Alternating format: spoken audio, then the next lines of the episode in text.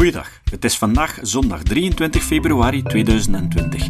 Ik ben Jozef van Giel en dit is de 396ste aflevering van deze podcast. Op 18 januari 2019 overleed Etienne Vermeers, waarschijnlijk de belangrijkste en meest invloedrijke filosoof van de 20e eeuw in de Lage Landen. Zijn invloed op onze huidige maatschappij is moeilijk te onderschatten. Hij was onder andere verantwoordelijk voor de abortuswet en de euthanasiewet in België. Hij was stichtend lid van SCEP, werd stevast gevraagd als opiniemaker in tal van programma's over netelige kwesties zoals hoofddoekverbod, vrouwenbesnijdenis en de gevolgen van de NIP-test, die veel veiliger, vroeger en zeker een aantal aangeboren afwijkingen zoals het syndroom van Down kan vastleggen. Zijn vertrouwelingen, Johan Braakman en Dirk Verhofstadt, gingen na zijn dood op speleologie in zijn bureau op zoek naar ongepubliceerde geschriften en bundelden die in een nieuw boek. In deze aflevering horen jullie een introductie door professor Mieke van Herwegen, vice-rector van de UGent, en van professor Gitan Nekkere, decaan van de faculteit Letteren en Wijsbegeerte. Volgende keer horen jullie een interview door Tineke Beekmans van de twee auteurs. Nagelaten geschriften van Etienne Vermeers. Vorig jaar vatten wij bij uitgeverij Houtekiet het plan op om de boeken van Etienne Vermeers met een nieuwe vormgeving op te frissen. Het idee dat wij op die manier zijn 85ste verjaardag wilden vieren, verheugde hem. Maar het is anders uitgedraaid. De boeken zijn weliswaar zoals gepland verschenen, maar hij heeft ze zelf niet meer in zijn handen kunnen houden. Op 18 januari van dit jaar is hij overleden. En vandaag staan wij hier om postuum zijn nagelaten geschriften voor te stellen. Dat hadden we een jaar geleden al helemaal niet gepland, maar we hebben er wel een goede reden voor. In een van de laatste interviews met Etienne Vermeers, ook opgenomen in de nagelaten geschriften, stelde de interviewer hem de vraag hoe hij na zijn dood herinnerd wilde worden. Hij antwoordde dat hij hoopte dat zijn teksten na zijn dood mensen zouden blijven inspireren. Dat zijn ideeën en inzichten hem zouden overleven. En met het boek dat wij hier vanavond voorstellen, hopen wij ons steentje hiertoe te kunnen bijdragen. De nagelaten geschriften zijn opgedeeld in drie delen. In het eerste deel, getiteld Essays, lezingen en artikelen, komt een breed gamma aan thema's aan bod waar de interesse van Etienne Vermeers naar uitging. Het is indrukwekkend in hoeveel vakgebieden hij beslagen was en hoeveel kennis hij had over zeer uiteenlopende onderwerpen. Bovendien slaagde hij erin moeilijke kwesties op een begrijpelijke manier uit te leggen en complexe theorieën helder te formuleren. Naast zijn academische activiteiten had Etienne Vermeers een grote impact op maatschappelijk vlak. Via zijn opiniestukken mengde hij zich geregeld in het publieke debat en wilde hij dialogen op gang brengen rond morele vraagstukken die Vlaanderen beroeren. Ook van die opiniestukken staat er een selectie in het boek. Zonder uitzondering blijven de standpunten van Etienne Vermeers pertinent, soms decennia na hun oorspronkelijke publicatie, en zijn ideeën zullen ongetwijfeld niet aan relevantie inboeten in de komende jaren. De maatschappij waarin we vandaag leven in Vlaanderen zou er anders uitzien zonder de stempel van Etienne Vermeers. Zo leverde hij een belangrijke bijdrage tot de wetgeving rond euthanasie en abortus in België. Hij leerde ons decennia geleden al nadenken over het lot van onze planeet en het evenwicht tussen mens en natuur. En ook zijn standpunten over de hoofddoek werpen een nieuw licht op de zaak. Hij dacht ook na over veroudering, migratie, gezondheidszorg, privacy enzovoort. Allemaal thema's die ons vandaag blijven beroeren en waarbij wij zijn stem nu al missen. Sommige van zijn standpunten zijn ondertussen breder aanvaard, maar jaren geleden was hij het die als baanbreker die punten op de agenda zette. Naast denker was Etienne Vermeers ook wat ze noemen een bekende figuur. Hij trad naar buiten met een missie: onwetendheid en foutieve kennis de wereld uithelpen. Daarom gaf hij ook graag en veel interviews, waarvan u er enkele terugvindt in de nagelaten geschriften. Zij vormen het derde deel van het boek. In die gesprekken komt naast zijn scherpe geest ook zijn humor naar voren. En ze tonen ook kanten van Etienne Vermeers die minder bekend zijn. Zo weet niet iedereen bijvoorbeeld dat hij een filmkenner was of rust vond in poëzie. Etienne stond bekend als een rationele man. Hij wilde dingen begrijpen, liefst op basis van zuiver theoretische kennis. Maar tegelijk was hij passioneel. Bij hem bestond er geen tegenstelling tussen ratio en emotie. Ik ben doodgewoon een mens die probeert na te denken, zei hij in een interview met Floris van den Berg. En het is ook zo dat wij hem herinneren op de uitgeverij. Als een zeer intelligente, maar ook hartelijke man met een passie voor kennis en rechtvaardigheid. Namens uitgeverij Houtenkiet wil ik graag Johan Brakeman en Dirk Verhofstadt bedanken, omdat zij samen met ons dit boek wilden samenstellen. Zij zijn in archieven en in computers gedoken op zoek naar teksten die een zo compleet mogelijk beeld geven van de vele facetten van Etienne Vermeers. Dank ook aan Josiane, de weduwe van Etienne, omdat zij ons het vertrouwen schonk om dit boek te maken. We waren ook verheugd te constateren dat iedereen aan wie wij de medewerking vroegen zonder aarzelen instemde. Dank aan alle uitgevers die hun toestemming gaven om bepaalde teksten te mogen opnemen in deze bundel. En dank ook aan alle organisaties die geholpen hebben om deze aula vanavond vol te krijgen. Ons oorspronkelijke plan was om deze avond te organiseren in de aula waar Etienne Vermeers jarenlang les gaf, maar al snel werd duidelijk dat we moesten uitwijken naar een groter auditorium. Het zou hem ongetwijfeld veel plezier hebben gedaan dat u hier zo taalrijk aanwezig bent. Wij zijn dankbaar en vereerd voor wat wij bij Houtenkiet met Etienne Vermeers mochten delen. We koesteren warme herinneringen aan de gesprekken die we met hem voerden, aan de jarenlange fijne samenwerking, aan zijn laatste komst naar de boekenbeurs. En wij hopen dat dit boek mag bijdragen aan een completer beeld van de belangrijke en veelzijdige denker, maar ook aan de bijzondere mens die Etienne Vermeers was. En dan geef ik nu graag het woord aan professor Mieke van Herwegen, vice-rector van de Universiteit Gent, en daarna aan professor Gita de Nekkere, decaan van de faculteit Letteren en Wijsbegeerte. Dank u wel.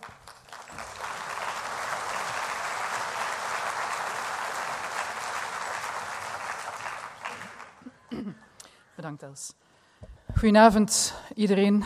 Ik ben Mieke van Erwegen, vice-rector van de UGent momenteel. Het is nu mijn derde jaar. Etienne is dat ook geweest, uh, vice-rector, maar wel al enige tijd geleden natuurlijk. Toen Johan aan mij vroeg van, wil jij ook een woordje plaatsen, heb ik onmiddellijk ja gezegd. Ik heb een grenzeloze bewondering voor Etienne. Maar daarna begin je te denken van, wat kan ik nu vertellen? Waar zal ik het over hebben? Uiteraard heb ik hem gekend, hè, maar Etienne was uh, een jaar jonger dan mijn vader. Hij was dus eerder een vaderfiguur voor mij dan een, een nauwe collega. Um, over zijn verdiensten als filosoof, daar zijn anderen beter, veel beter over, voor geplaatst dan ik om iets over te zeggen. Ik ben taalkundige, ik ben geen filosoof, ik ga mij daar ook niet over uitspreken. Hij had een heel grote, onmiskenbare invloed op het publieke debat, maar ook dat is al uitvoerig door andere collega's beschreven, geëvalueerd. Ook daar ga ik mij niet over uitspreken. Zijn optredens in de media, ook die zijn in het lang en in het breed becommentarieerd, komen trouwens ook aan bod in het boek uh, in de nagelaten geschriften. Vandaar dat ik dacht, ik zal het eerst maar eens hebben over de invloed die Etienne op mij gehad heeft, uh, op mij als persoon. Want ik heb nooit de kans gehad om aan me te zeggen, maar bij deze, als plaatsvervanging, meld ik, vertel ik dat dan toch even aan jullie. Ik heb net gezegd, ik ben Germaniste van opleiding, uh, maar toen ik 18 was, was ik ervan overtuigd dat ik wiskundige zou worden. En ik ben begonnen aan een eerste kandidatuur wiskunde, hier aan de Universiteit Gent, um, met vakken, allerlei wiskundige vakken, fysica, scheikunde enzovoort. Maar ook een vak wetenschapsfilosofie, en dat werd gegeven door Etienne. Toen ik zo een aantal maanden les had, want toen, toen hadden we nog een jaarprogramma, de examens kwamen maar op het einde van, van het jaar. Toen ik zo halverwege zat, denk ik januari, we hadden partiële examens, die had ik allemaal doorstaan, daar was ik allemaal door. Maar toen ben ik zelf beginnen nadenken, is dit wel iets wat ik wil doen de rest van mijn leven? En dat kwam vooral door Etienne. De lessen die Etienne gegeven had, hebben mij veel meer aan het denken gezet dan voordien het geval geweest was. En door die lessen van Etienne ben ik echt wel zelf beginnen nadenken van wiskunde. Is dat echt wel iets voor mij? Moet ik toch niet meer iets doen in de alfawetenschappen? Misschien ligt mij dat toch beter. Ik ben dan gestopt met wiskunde en ben herbegonnen aan Germaanse. Dus Etienne heeft op mijn leven een heel grote invloed gehad, omdat mijn studiekeuze uiteindelijk door hem uh, voor een stuk toch bepaald geweest is. Maar toen dacht ik, dat verhaal wil ik wel kwijt aan de mensen. Wat kan ik nog vertellen over Etienne? Wel, um, ik dacht, ik pak dat aan op een manier die Etienne zelf prefereerde. Ik probeer een kleine, weliswaar heel kleine, empirische studie te doen. Dus ik heb aan een aantal mensen gevraagd hoe zij Etienne percipieerden. En ik probeer dat hier nu voor een stukje samen te vatten in een tiental punten. Die mensen aan wie ik het gevraagd heb, zijn niet de mensen die vandaag zullen spreken. Het gaat, om andere mensen. Maar jullie zullen wel horen dat veel van wat ik nu zal zeggen terugkomt deze avond, denk ik. Uh, ik vermoed dat veel van de zaken uh, daarin terugkomen. De essentie van die bevraging was dat Etienne veel vrienden en bewonderaars had, maar ook tegenstanders en critici. Je was voor of je was tegen Etienne. Onverschillig laten deed hij niemand. Dus ja, hoe zou dat dan komen? Dan vraag je dat aan mensen, waar ligt dat dan aan? En men heeft mij een aantal uh, dingen gezegd, hè? dingen die bij opvallend waren voor, voor veel mensen met betrekking tot de persoon Etienne. Een eerste is dat hij ongelooflijk erudiet was. Hij bezat een zeer scherpe geest, hij had een ongelooflijk geheugen ook. Hij kon Latijnse teksten citeren, gedichten opzeggen enzovoort. Hij etaleerde dat ook graag, moet ik eraan toevoegen. um, uh, hij was trouwens, hij heeft mij trouwens ooit nog eens gezegd dat hoe, hoe, belangrijk dat wel is, dat je je geheugen traint enerzijds, maar ook dat je die klassiekers allemaal kent, dat je die uit het hoofd kent en dat je die ook kan gebruiken als citaten of op, op bepaalde momenten. Hij was er echt van overtuigd dat het een gemis was als je dat niet kon. Dus als je ook niet die Latijnse teksten kon debiteren. Een tweede is, hij was een bijzonder goed uh, publiekspreker, maar evenzeer een, een goede face-to-face causeur. In een gesprek met Etienne was er nooit een gebrek aan gespreksonderwerpen, want hij was eigenlijk in alles geïnteresseerd. Dat kon gaan van sterrenkunde tot, uh, vertelde mij iemand, de noodzaak om een branddeken in huis te halen. Want stel dat de frietketel in brand zou vliegen, dan moest je toch een branddeken in de keuken hebben. En als je dat niet had, was je toch wel, uh, was toch wel gevaar voor je eigen persoon. Dus alsjeblieft, zorg ervoor dat je een branddeken in huis hebt. Um, nu, dat betekende dat hij in een gewone conversatie tijdens een lunch heel boeiend kon onderhouden over ethische kwesties, respect met citaten tot heel dagdagelijkse zaken, maar dat je altijd aan zijn lippen hing. Een derde uh, zaak die men mij gezegd heeft, is dat hij uitgesproken standpunten had. Dat wist ik nu zelf ook wel. die hij helder en zonder omwegen ook uh, verwoordde. Zijn stelling was dat als iets voor jezelf klaar is, als iets voor jezelf helder is, dat je het dan ook klaar en helder kon verwoorden. Um, als taalkundige uh, weet ik uiteraard dat taal verschillende functies heeft. En heel vaak wordt gefocust op die communicatieve functies, de interactie met de ander. Dus de, de communicatieve, informatieve, sociale, creatieve, uh, emotieve, persuasieve functies enzovoort. Allemaal in, in interactie met de ander. Maar taal heeft ook een heel belangrijke conceptualiserende functie. Die is veel meer op jezelf betrokken. Het conceptualiseren, het zelf nadenken over zaken, dat doe je in taal. En de manier waarop je dat dan verwoordt, ehm, dat toont hoe je zelf ook iets begrijpt. Dus omvloerste taal vond Etienne een taal die, die niemand begrijpt, is ofwel te wijten aan gebrek aan kennis van de zaak door de spreker, ofwel omdat iemand iets te verbergen heeft eh, en niet wil uitkomen voor zijn of haar standpunt. Want wat klaar is in de geest, moet ook klaar verwoord kunnen worden. Een vierde puntje. Etienne werd ook omschreven als een schone mens. Niemand was voor hem te min. Hij was een man die eenvoud uitstraalde. Hij kon ook met iedereen praten. Mij werd het verhaal gedaan van uh, een gesprek dat hij gehad heeft met zijn poetsvrouw toen de abortuswet gestemd moest worden. En zijn poetsvrouw aan hem vroeg, ja, bent u voor of tegen abortus? Waarop Etienne vroeg, ja, wat denk je zelf? En waarop zij zei, ah, tegen natuurlijk, je bent een goede mens, dus tegen natuurlijk. Waarop hij haar met allerlei argumenten uit de doeken gedaan heeft waarom hij toch voor was. En, en op in welke mate, welke aspecten enzovoort. Dus die eenvoud maakt dat hij evengoed met vakgenoten, met de koning of met een bouwvakker of met zijn poetsvrouw kon praten. En hij deed dat ook vaak op dezelfde manier. Um, hij achtte eigenlijk niemand te min voor een goed gesprek. Niet over ethische kwesties, niet over alledaagse zaken. Vijf. Etienne kreeg vanuit bepaalde hoeken het verwijt ultra-rationeel en positivistisch te zijn en op die manier alle vraagstukken te benaderen. En niet open te staan voor wat niet of nog niet empirisch bewezen kon worden. Dat empirische of dat zoeken naar empirisch bewijs of op een empirische manier vragen gaan behandelen. Daar heb ik een kleine anekdote over die mij verteld werd door Sylvia van Petegem, onze hoofdbibliothecaris. Etienne was ook oprichter en voorzitter van Film Plateau, een uh, vereniging van ja, filmliefhebbers, filmkenners, hier opgericht binnen de UGent. Jan had een heel groot hart voor de film. En in het kader daarvan werd ook de Paddenhoek, de filmzaal Plateau heette die toen, uh, werd gerenoveerd. En daar moesten nieuwe stoelen in komen. Dus je had een cinemazaal hè, met, met, nieuwe stoelen in. En dus wat deed Etienne toen? Was hij vice-rector. Dus wat deed hij op zijn bureau, op, uh, op het rectoraat? Had hij drie stoelen staan, drie verschillende stoelen staan. En iedereen die bij hem langskwam, moest die drie stoelen eens uitproberen en moest zeggen welk van de drie het beste was. Stel je voor, hè? als vice-rector heeft hij beslist welk van die stoelen de beste was uiteindelijk, na een empirisch onderzoekje. En heeft hij ook die stoel gekozen. En die staan er nog altijd in de paddenhoek. Een zesde puntje, het feit dat hij ultra-rationeel positivistisch was, betekent echter niet dat hij star bij zijn eigen overtuiging bleef. Ook al werd hem dat wel eens verweten. Maar dan denk ik zelf, ja, een van de duidelijkste voorbeelden natuurlijk van het feit dat hij toch van gedachten kon veranderen, is zijn houding ten opzichte van het geloof, die van het ene extreem naar het andere extreem bijna geëvolueerd is. Dus dat kan je moeilijk star blijven vasthouden aan eigen overtuigingen noemen. Een zevende is dat zijn filosofische overtuiging Inderdaad was dat alles wat tot de wereld van de fantasie en de superstitie behoorde, moet verworpen worden als, als het over kennis gaat. Maar dat betekent niet dat hij zelf louter ratio was. Integendeel, we hebben het daarnet ook al gehoord. In zijn relatie tot individuele personen primeerde de emotie vaak. In tegenstelling tot zijn relatie tot denkwijze, tot theorieën. Dat benaderde hij heel rationeel, maar individuele mensen, daar kon hij heel emotioneel van worden. Hij zou nooit een individu hebben veroordeeld omdat hij er bepaalde denkwijzen op nahield.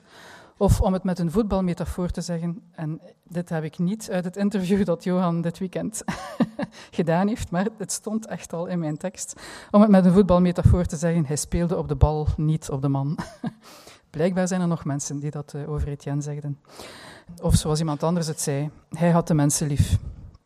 Die emotionele kant kwam duidelijk naar boven als hij een vriendelijk gebaar of woord zag of hoorde, waardoor hij ongelooflijk ontroerd kon zijn, maar ook omgekeerd een vijandige opmerking of houding hoorde of zag, waardoor hij enorm gekwetst kon zijn.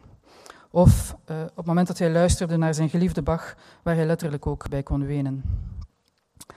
8. Etienne had een sterk rechtvaardigheidsgevoel. Als hij onrecht rook, ging hij er tegenin. Omgekeerd, als hij in een zaak geloofde, ging hij er voluit voor. Hij kon zich engageren voor groot en klein en dan was geen moeite hem te veel. Dat is uiteraard voor het grote publiek het duidelijkst gebleken bij moeilijke ethische kwesties als abortus of euthanasie, wat hij zelf zijn levenswerk genoemd heeft. 9. In de faculteit had hij de bijnaam Kweetal. Omwille van zijn enorme kennis over zeer uiteenlopende zaken, maar ook omwille van zijn vermeende superioriteitsgevoel. Hij wist het zogezegd altijd beter. Veel mensen interpreteerden dat toch op die manier. Mensen dachten soms dat hij pedant was. En iemand vertelde mij dat hij inderdaad tegen haar wel geregeld zei. Iets als, maar weet jij dat dan niet?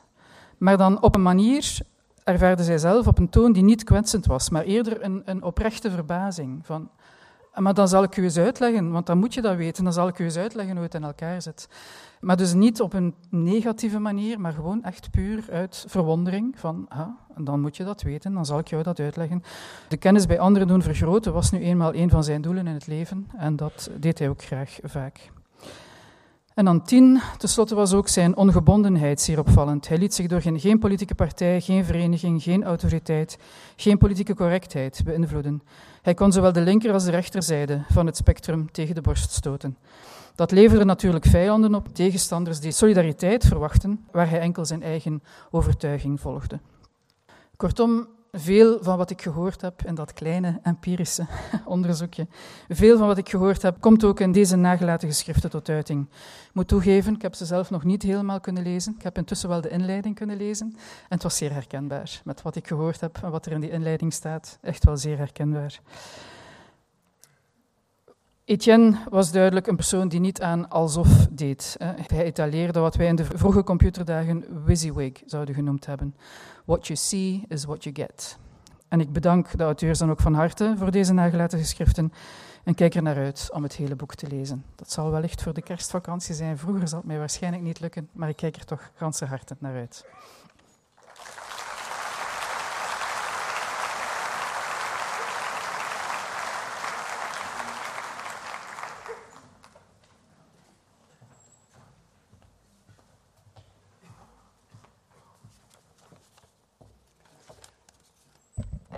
Dames en heren, beste collega's, beste Josiane. Op mijn beurt doet het mij heel veel plezier u zo talrijk te kunnen toespreken uh, op de voorstelling van de nagelaten geschriften van Etienne Vermeers, een van mijn illustre voorgangers als decaan van de faculteit Letteren en Wijsbegeerte, maar vooral natuurlijk een van Vlaanderens meest spraakmakende filosofen van de afgelopen 50 jaar. Het is jammer dat we dit evenement niet in Auditorium E van de Blandijn hebben kunnen organiseren. Dat is immers de lieu de mémoire waar Vermeers zijn intellectuele rol voor zoveel generaties studenten heeft gespeeld. Maar het is significant voor zijn blijvende invloed dat de organisatoren al gauw moesten uitwijken naar dit mega-auditorium. Boekhandel Walry bestaat dit jaar 50 jaar, maar heeft nog nooit duizend mensen voor een boekvoorstelling gehad. Het vervult me als decaan van zijn faculteit met veel trots en vreugde. Dames en heren, op 8 december 2016 heb ik zelf het plezier gehad om onze betreurde maître à en collega Etienne Vermeers te mogen interviewen in zijn woning in Wetteren. Als een van de publieke intellectuelen die onze universiteit de afgelopen decennia een gezicht en een stem hebben gegeven in het maatschappelijk debat. Als een van de vele UGenters die de nauwe band van onze alma mater met de maatschappij belichaamd en bezield hebben. Mijn boek Uit de Ivoren Toren, 200 jaar Universiteit Gent, was niet compleet geweest zonder het verhaal van Etienne Vermeers. Het was een werkelijk memorabel interview in zijn werkelijk zeer wanordelijk bureau met opgestapelde boeken, kranten, knipsels en pizzadozen, waar hij mij een klein krukje toewees. Ik heb daar meer dan drie uur gezeten en mijn hoogbejaarde gastheer was werkelijk onvermoeibaar genereus met verhalen over werkelijk de meest uiteenlopende onderwerpen. De nagelaten geschriften getuigen van die ongelooflijke veelzijdigheid. Het was voor mij al snel duidelijk dat de methode van het semi-gestructureerde interview, eigen aan de oral history, niet bepaald aan Etienne Vermeers besteed was. Ons gesprek begon over porno op het internet en de studentenopstand van maart 69, daar was inderdaad een verband tussen. Het waaierde uit naar informatietheorie en de Matthäuspassie, Eric Romer en Louis Mal, de Koran, Spinoza en euthanasie. Ik kon Vermeers eigenlijk alleen bij de les houden door zijn interessegebieden telkens terug te koppelen naar zijn eigen geschiedenis als hoogleraar wijsbegeerte en de wijze waarop hij vanuit de Ivoren Toren van de universiteit zijn maatschappelijke rol gespeeld heeft. Hij noemde het zelf met een monkelachje zijn weerdegang. Etienne arriveerde pas op zijn 27ste op de Blandijn, nadat hij in 58 de Jezuïetenorde had verlaten. Het was de periode dat Leo Apostel en Jaap Kruithof als jonge atheïstische hoogleraren een heel nieuwe wind lieten waaien in de geesten van aankomende intellectuelen van het sterk verzuilde katholieke Vlaanderen. Ook Vermeers vormde zijn levensbeschouwing in intense interactie met zijn leermeesters en zijn medestudenten. De impact van Apostel en Kruithof was zeer groot en dat had te maken met de nieuwe manier van lesgeven. Vermeers ervaarde een hemelsbreed verschil tussen de didactische aanpak van zijn professoren in de klassieke filologie enerzijds en in de wijsbegeerte anderzijds. De klassici in Gent waren niet gewoon dat de studenten een vraag stelden, ze waren hoogstens in staat de klassieke teksten prachtig te vertalen. Er heerste een erg schoolse sfeer. Jongens en meisjes zaten toen nog apart en deden niets anders dan ijverig noteren en opschrijven wat de prof dicteerde. Hoe anders was de open en progressieve sfeer in de wijsbegeerte. Tijdens de seminarieoefeningen in kleine groepjes kregen de studenten opdrachten rond een waaier aan thema's. Doodstraf, zelfmoord, euthanasie, ascese. Die de week nadien uitgebreid werden besproken. Een grondige voorbereiding was geboden.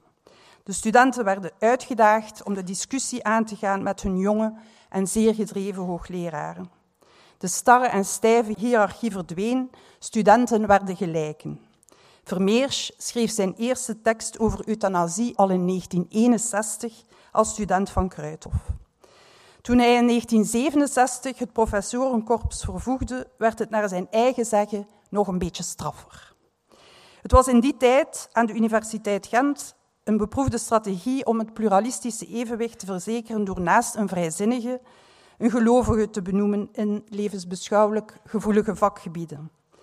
Naast Vermeersch werd de Duitse fenomenoloog Rudolf Beum benoemd. Beum, die dit jaar in augustus op 92-jarige leeftijd en zeven maanden na zijn intellectuele tegenpool overleden is. Beum was in Leuven medewerker van het Husserl-archief geweest en had een protestantse achtergrond, maar ook hij zou zich niet bepaald als een gezagsgetrouwe christen ontpoppen. Maar hoe incompatibel hun opvattingen over wetenschap en filosofie ook waren, Vermeers en Beum hadden met Kruithof en Apostel een groot maatschappelijk engagement gemeen.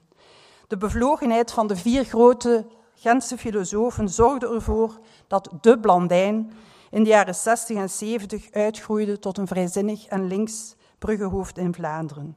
Ze bereikten met hun progressieve ideeën niet alleen duizenden studenten uit alle faculteiten, maar waren ook sterk aanwezig in het maatschappelijk debat over tal van actuele thema's. Sterk geïnspireerd door die Gentse filosofen, waaronder Vermeers, begon een nieuw verhaal van maatschappijkritiek aan de universiteit. Er kwamen ook allerlei sociale werkgroepen tot stand rond hete hangijzers als waapwetloop, seksisme, abortus en anticonceptie, rechten van minderheden, solidariteit met wat toen de derde wereld heette, anti-imperialisme en antikolonialisme, antiracisme en niet te vergeten de milieuproblematiek, kernenergie, de grenzen en de groei. Thema's die een halve eeuw later nog steeds en vaak met verhoogde urgentie op de agenda staan. In de nagelaten geschriften ging mijn aandacht in de eerste plaats naar de teksten over ecologie, ecofilosofie en milieuscepticisme. De ogen van de panda, een milieufilosofisch essay, voor het eerst verschenen in 1988, kent natuurlijk iedereen. Het was een poging om de milieuproblematiek binnen een globaal en samenhangend maatschappelijk kader te plaatsen, met het WTK-bestel in het hart van de analyse, de samenhang tussen wetenschap, technologie en kapitalisme. Vermeers inzichten over milieu en klimaat blijven actueel. Zijn bestseller van 25 jaar geleden werd dit jaar nog herdrukt. De faculteit organiseerde er in maart met de vakgroep Wijsbegeerte een debatavond over met de klimaatactivisten van vandaag, ter nagedachtenis van Etienne. Vermeers eigen recentere teksten maken eveneens de brug tussen de grenzen aan de groei denken uit de jaren 60 en 70 en de ethische onderbouwing van het ecologische denken en handelen vandaag. Voor Vermeers moest de studie naar wat moet gebeuren op het vlak van klimaat en milieu immers de voorrang krijgen op het onderzoek van de feiten zelf. Ik citeer uit zijn nagelaten geschriften, pagina 46, een tekst uit ons erfdeel 2001. Wat de moderne mens kenmerkt, is zijn macht, zijn vermogen tot ingrijpen en ook tot verwoesten op planetaire schaal. Maar daarnaast heeft hij op alle andere dieren voor dat hij ook over de mogelijkheid beschikt om de catastrofe te zien aankomen. De eerste en dringendste opgave van de milieufilosofie is daarom dit vermogen tot vooruitzien te verscherpen.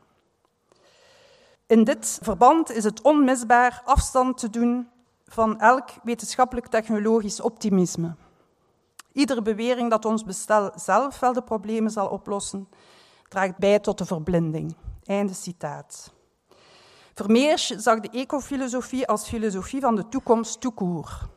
Wanneer de filosofie, ik citeer hem verder, wanneer die filosofie, dat kritisch denken het laat afweten, wanneer ons handelen stuurloos blijft voorthollen, is er wellicht geen toekomst meer om te filosoferen, geen toekomst hoe dan ook.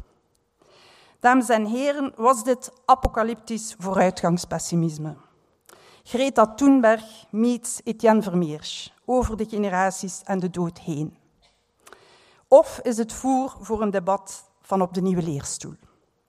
In ieder geval zag Etienne Vermeers de klimaatspijbelaars tijdens de laatste weken van zijn leven massaal op straat komen om de politici tot meer ecologisch handelen aan te sporen voor het te laat is. Johan Braakman en Dirk Verhofstadt tekenen de scène op in hun woord vooraf. De avond van donderdag 17 januari, de dag voor zijn overlijden, keken we samen naar het journaal in de ziekenhuiskamer. Men bracht een verslag uit over de optocht van meer dan 12.000 klimaatkinderen in het centrum van Brussel. Etienne Vermeer stak, geliggend op zijn ziekbed, zijn duim omhoog en glunderde. Beste Johan en Dirk, deze decaan glundert ook bij het lezen van de nagelaten geschriften van mijn illustre voorganger, maar vooral van een van Vlaanderens invloedrijkste filosofen van de afgelopen 50 jaar.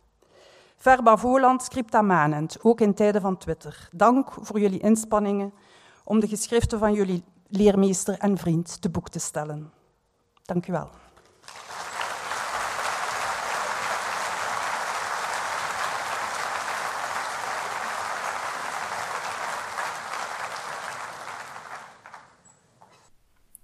Het citaat. Het citaat van vandaag komt van Etienne Vermeers zelf. Vermeers zei: Wanneer ik kritiek uitoefen op christelijke teksten, dan ben ik een antichrist. Wanneer ik kritiek uitoefen op het communisme, dan ben ik een agent van het kapitalisme. Wanneer ik kritiek uitoefen op het antisemitisme, ben ik een linkse marxist. Zo heb ik al van alles gehoord. Tot de volgende keer.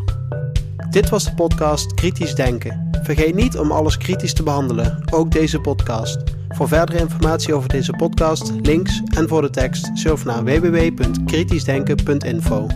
Als je deze podcast belangrijk vindt, kun je me steunen door anderen warm te maken ook eens te luisteren. Stuur een e-mail naar vrienden met een link naar de website en plaats de link in de handtekening van je e-mails. Tevens kun je op iTunes deze podcast een beoordeling geven of een recensie schrijven. Of je kan op je eigen website of blog een link naar kritisch denken plaatsen.